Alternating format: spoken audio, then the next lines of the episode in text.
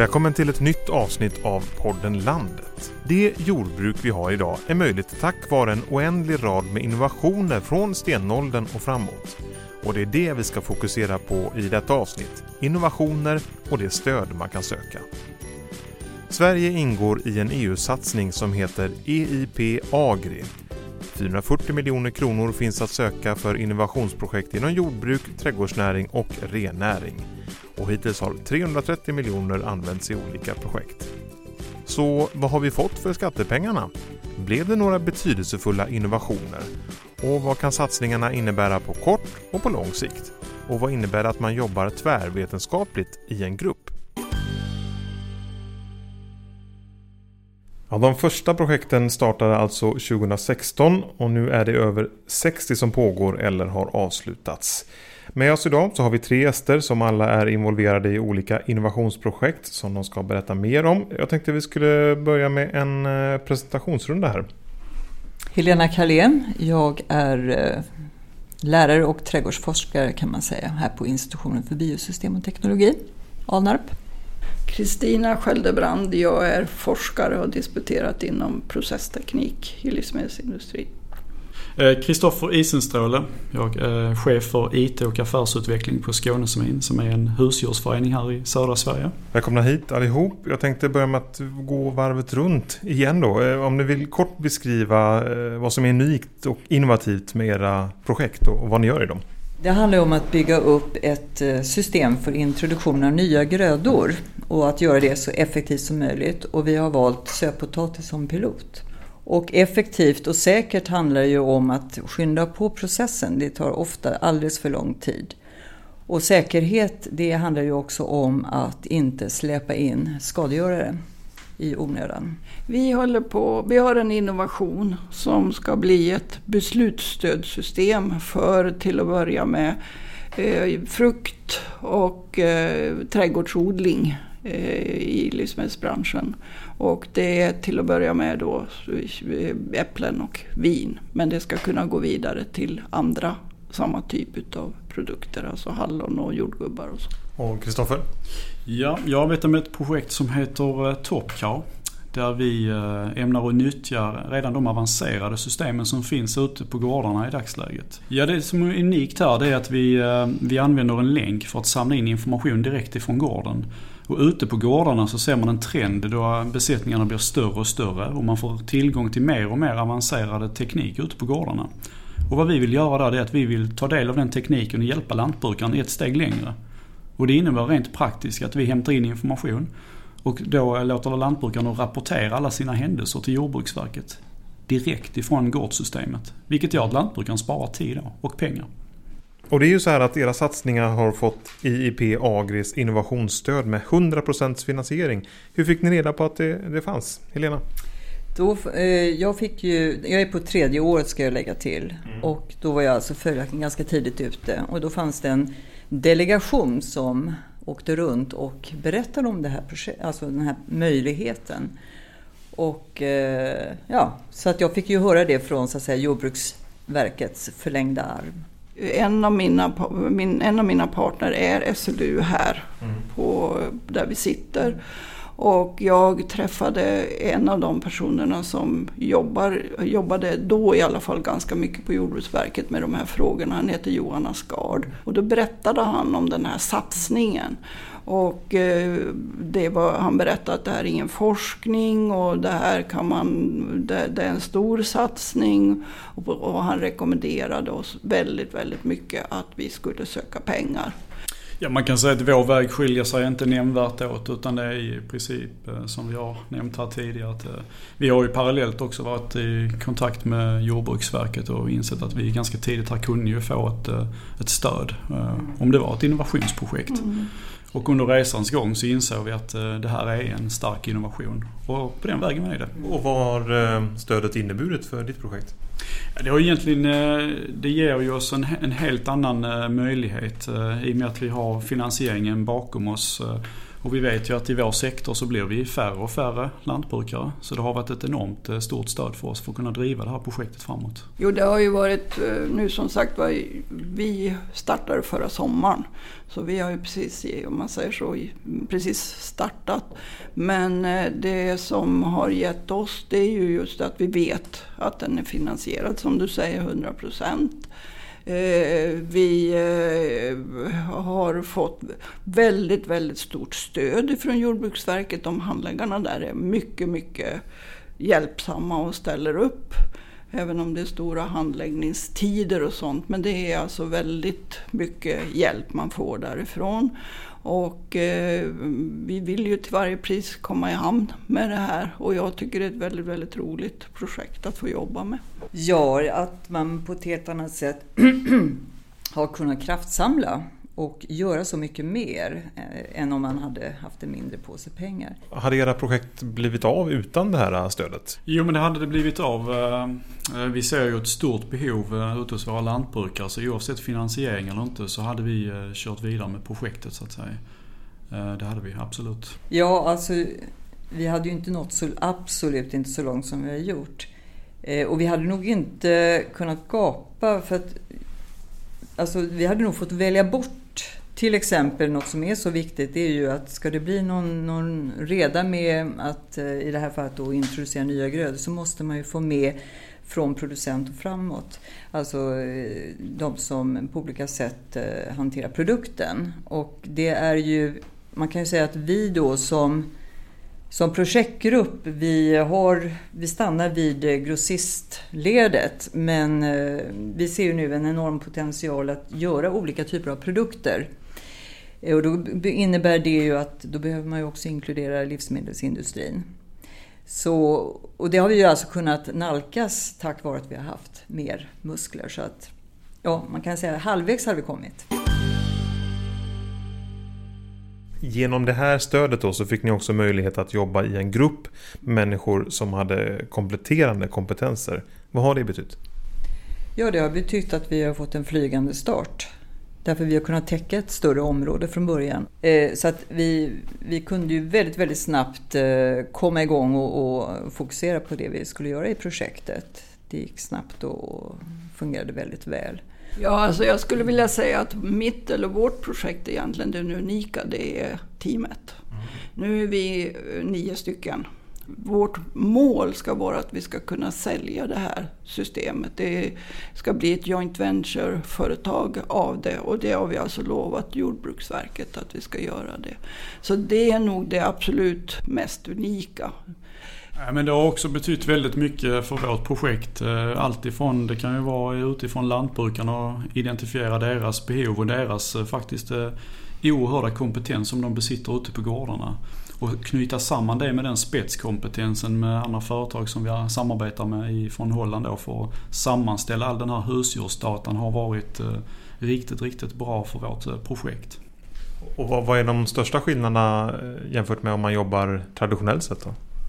Alltså de största skillnaderna är att man får ju input ifrån fler kanaler så att säga. Och det är egentligen där som jag känner att styrkan ligger. Att vi kan få inputen direkt ifrån våra kunder och vi får inputen ifrån eh, eh renodlade IT-företag och att vi ändå lyckas att knyta ihop den här säcken. Väldigt nyttigt det här att också få input på att allt man tänker och tror är inte rätt. Utan få korrigerat. Mm. Men, men kan du inte bli lite så här, jaha, hade jag fel där? Nej, kan man bli lite moloken då? du vet, men tycker man olika så blir det oftast en eh, tredje variant som är så mycket bättre än att liksom bara umgås med de som ungefär har samma bakgrund. Därför håller jag med om det här med tvärvetenskapen, för då plötsligt får man ju frågor. Någon som kanske inte är biolog som ställer frågor till mig som biolog och som jag inte har tänkt på. Det är så man kommer framåt. Ja, det var en eh, väldigt intressant fråga för vi eh, lägger väldigt mycket tid eh, varje vecka faktiskt på att ifrågasätta oss själva. Mm. Och med just det så menar jag att med många gånger så det finns en kutym i den här branschen att ja men så här har vi alltid haft och det har alltid fungerat. Och i vårt fall så handlar det mycket om all husdjursdata som vi hanterar. Att eh, vi kan till exempel säga att vi även vi har samma data på flera ställen. Men ingen har riktigt ifrågasatt varför. Och i många fall så vet vi inte ens vad vi måste ha datan till. Så att i det här projektet så blir det också liksom att vi måste fråga oss själva vad är det verkligen vi behöver och vad har vi nytta av framåt?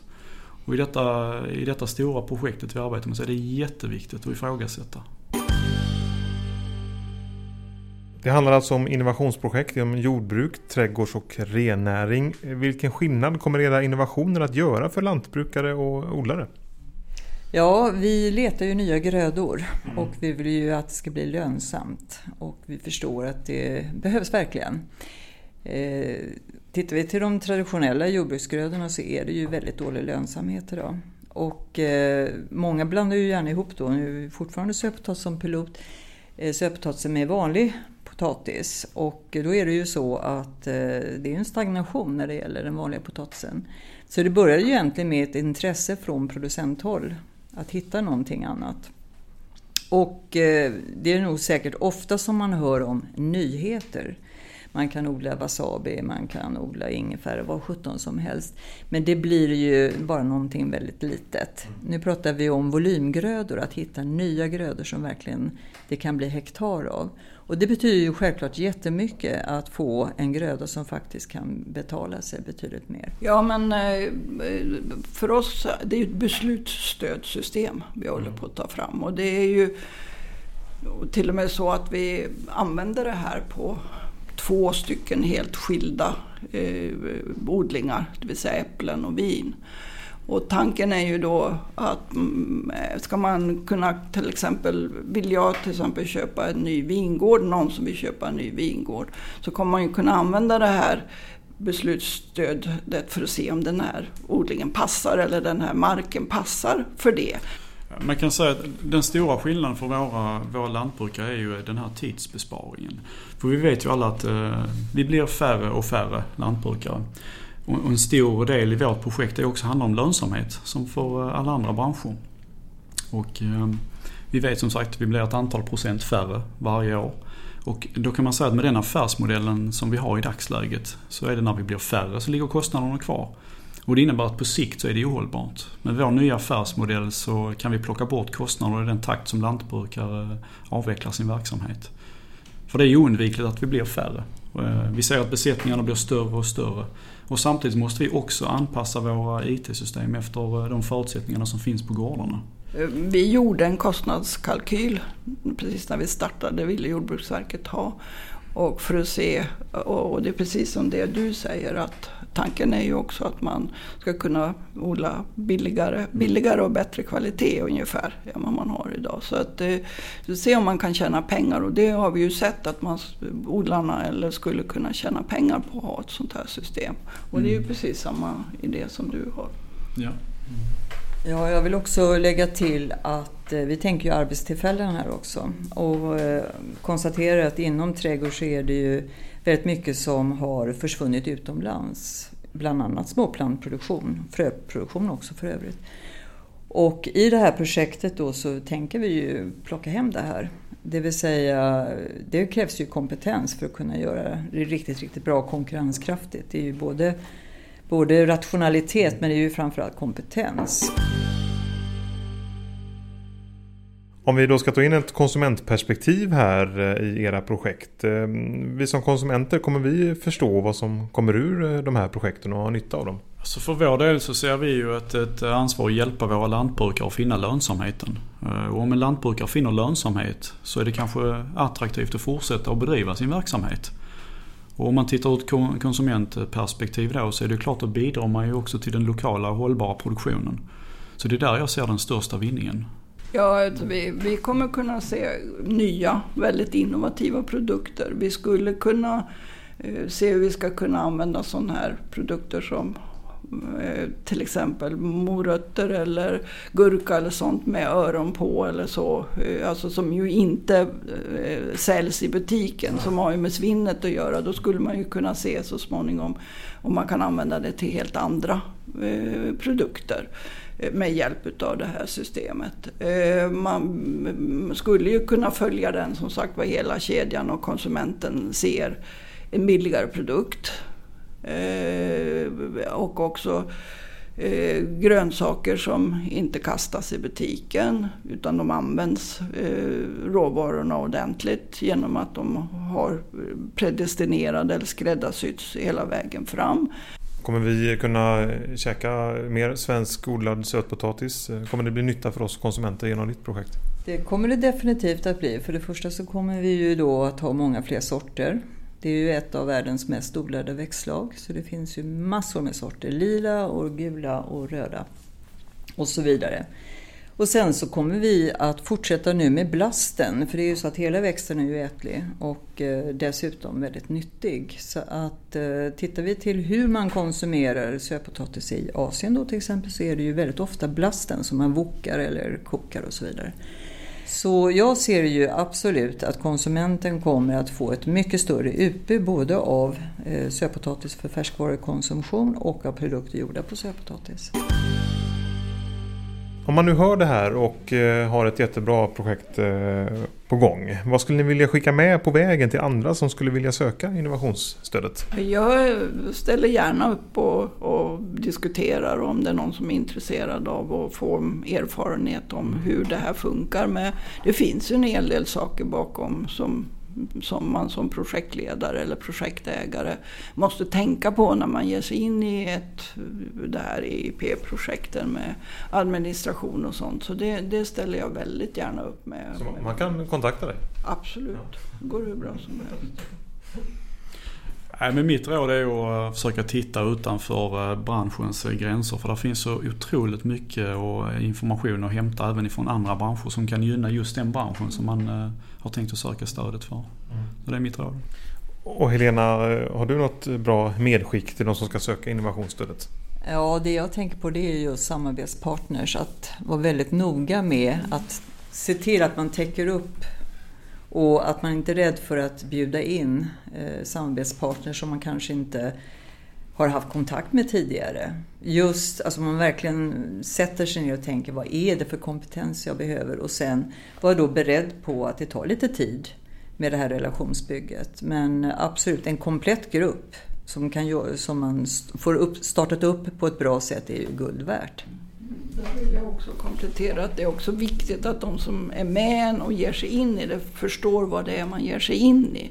För att ibland kanske man inte får betalt för allting som man eh, gör och så vidare. Eh, att man hjälps åt, att man är ett team som jobbar med det hela och att man hjälps åt med saker och ting. Och det har väl tagit lite tid för mig. Mitt, vi är ju så pass många som nio, men vi, det funkar idag. Och det har ju varit det här första året också, att, att delegera till folk och så vidare. Det är väldigt viktigt att man gör det. Nu har vi ju tre innovationer att se fram emot här, era projekt här. Men om ni ska välja en innovation genom tiderna som ni själva hade velat vara den som kom på. Vad skulle ni välja då? Jag har jobbat väldigt nära Rickard Öster som startade Oatly. Han och jag jobbade mycket nära varandra. Och jag har ju sett hans, hur lång tid det tog och så vidare. Det är ju verkligen en, en innovation som kommer från Sverige som finns överallt i hela världen. Oatly gör havremjölk. Det känner nog de flesta till med. Kortfattat här, om man får backa bandet rejält så hade det varit fantastiskt att få vara med och uppfinna glödlampan. ja. En lysande idé tycker jag att det var. Ja, Nej, jag är kanske inte så mycket för att titta tillbaks som frågan nu ställdes utan eh, det jag däremot känner just nu som jag jättegärna hade velat vara med på det är ju all den här kunskap som nu kommer fram tack vare analysmetoder som gäller mikroorganismerna. Där finns mycket spännande så jag är med där framåt. Tack så mycket för att ni kom hit. Ja, kanske du som lyssnar sitter på en idé till en innovation. Det finns fortfarande pengar att söka fram till december 2019 och all information hittar du på landsbygdsnatverket.se iip. Och så vet ni, på landsbygdsnatverket.se finns det också fler avsnitt av podden Landet att lyssna på. Peter Gropan heter jag. Tack för att du har lyssnat.